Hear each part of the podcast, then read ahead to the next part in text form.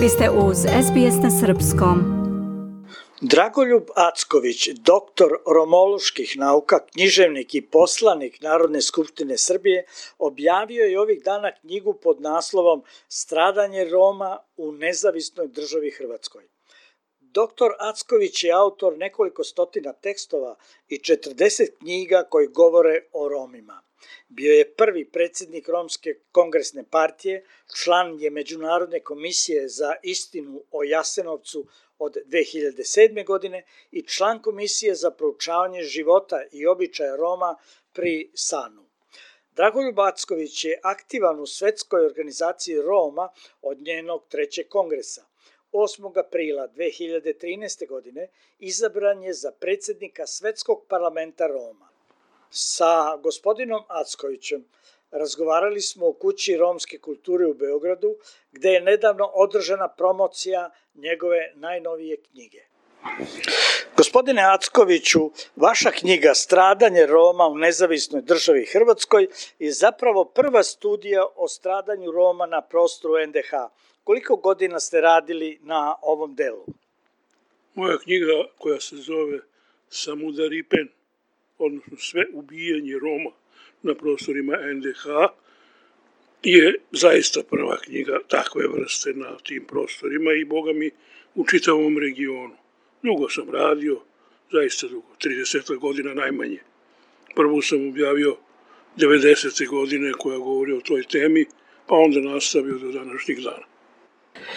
Gioden Grajf, izraelski profesor i stručnjak za holokaust, koji je govorio na promociji vaše knjige u Beogradu, je kazao da se u logoru Jasenovac prema Romima posebno brutalno postupalo.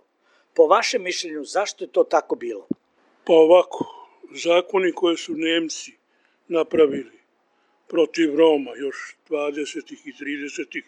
godina 20. veka su samo prekopirani u nezavisnoj državi Hrvatskoj i taj narod je tako smatran. E, ti zakoni su u Hrvatskoj još pojačani, mislim u, lošu, u lošem smislu, i odnos prema Romima je bio otprilike ovakav. Ubi Roma, nećeš nikome odgovarati, bit će to zadovoljstvo za sve i taj narod je zaista pretrpeo mnogo toga zbog toga što nikakvu zaštitu nisu imali, za razliku od bilo kog drugog naroda koji su imali kakvu takvu zaštitu. Činjenica je da je stradao veliki broj Roma, baš iz toga razloga nas opominje da moramo pravno regulisati položaj pripadnika romske nacionalnosti na najrazličitijim delovima teritorije u svetu i truditi se da se prema njima odnosimo u skladu sa postojećim pravilima i zakonima. A ti zakoni mora da budu ljudski. Ja sam negde pročitao da je stradalo u Jasenovcu oko 17.000 Roma. Šta biste vi rekli o tom broju? Ne, nije 17.000, nego mnogo puta više. 17.000 je stradalo samo u jednom mestu koje se zove Uštica, 16.000 i 130. Dakle, tu je oko 17.000. Međutim, kada se zna da svaki četvrti Rom se deklariše kao takav, ne kaže uvek, ne kaže uvek da su Romi i ne govore svi romski jezik kao maternji, već otprilike svaki četvrti, onda se množi 17 puta 4 i kad to saberete dobijete cifru koja je daleko veća.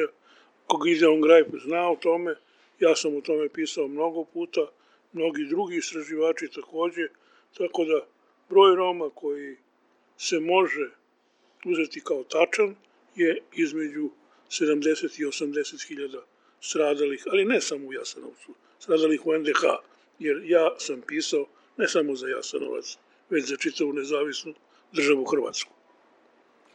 Činjenica je da 80 godina od prestanka rada logora smrti Jasenovac nije bila napisana ni jedna studija o stradanju Roma u njemu. Kako to komentarišete? Pa vrlo ružno. Niko se nije sekirao o jednom narodu koji je brojan na ovim prostorima, koji zajedno sa Srbima, Hrvatima, Mađarima, Albancima i svim ostalima zajedno živi u vrlo korektnim odnosima i koji su prema njemu trebali da budu bar korektni da napišu koju knjigu, a znalo se da su Romi stradali. Ne, nisu napisane knjige, nisu urađene istraživanja, govoreno je kako Romi pa skoro da i nisu stradali, e, pisani su neki podaci koji su zaista neverodostojni i verujem da će sa pojavom ove knjige i podataka koji se u njoj iznose da se stanje poboljša, da se situacija zaista poboljša u tom smislu što će se saznati tačan broj, što tačniji broj, jer tačan broj nećemo nikad saznati. Zašto? Pa postoje porodice koje su cele uništene. Za njih nema ko ni da prijavi, ni da kaže ti, ti su stradali.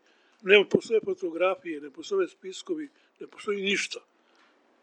Odnosno, još nešto je vrlo važno da se kaže, to je da je u nezavisnoj državi Hrvatskoj ubijeno mnogo onih koji su trebali da se rode i koji su trebali da rode. Koliko bi tek onda bilo pripadnika ovoga naroda da su se svi rodili i ovih 80 godina množili, a natalitet kod Roma je poznato, je dobar i tu nemamo šta zameriti. Verujem da će mnogi istraživači sada uzeti u obzir te činjenice kao i činjenice da sam ja istražio i prezentirao najveći broj dokumenta u kojima se govori tačno o tome šta se događalo. Ako im i to ne bude dovoljno, onda zaista ne znam šta da se radi. Gospodine Ackoviću, na kraju u vašoj knjizi Stradanje Roma u nezavisnoj državi Hrvatskoj značajna pažnja posvećena je sudbini Roma u logoru Jasenovac. Do kakvih sve podataka ste došli pišući ovu knjigu? Do vrlo stravičnih podataka. Do podatka da je postojalo 57 načina ubijanja pripadnika romske i drugih naroda. Do toga da je najveći broj Roma, moram to da naglasim, nije stigao do Jasenovca. Oni su došli tu negde do ulaza u Jasenovac, e, skrenuti u gradinu i tu pobijeni. Ili skrenuti u Ušticu, cela Uštica i tu pobijeni. Mnogi od njih su dovedeni vagonima u nekim izveštajima koji piše prošlo je prema Jasenovcu 82 vagona, 83 vagona cigana, koliko ih je bilo, ne znamo. A bilo ih je najmanje 2000, jer to otprilike zapremina. Jasenovac je jedno od najsumornijih mesta za koje ja znam.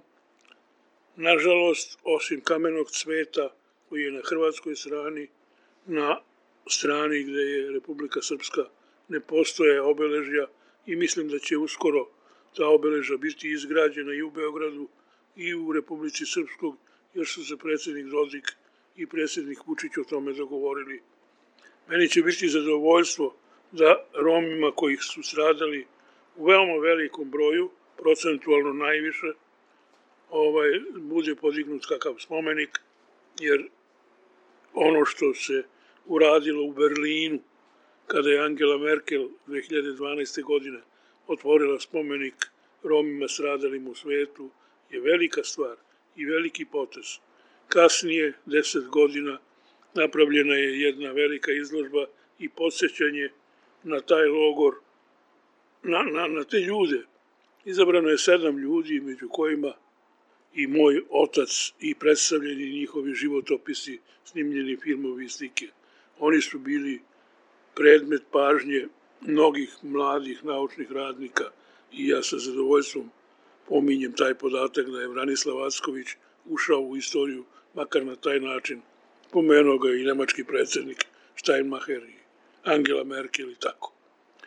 Ono što bih mogao da privedem kraju je sledeće.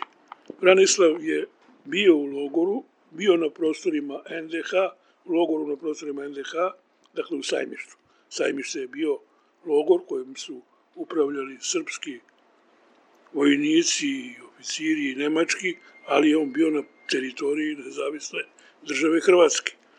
To je bio strašan logor, veliki logor u kome je stradalo mnogo naroda, među njima i veliki broj Roma.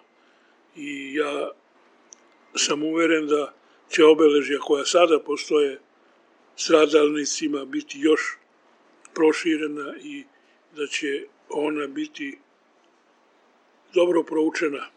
Sajmište je logor koji je progutao preko 60.000 duša. Sajmište je logor koji do skoro nije imao nikakvu značajnu ulogu, mislim na ulogu u obrazovanju o tome. Jer način da se nešto sazna, da se nešto potvrdi, je da se upravo preko nauke ili preko medija, kao što vi kolega radite, kaže o tome i tome.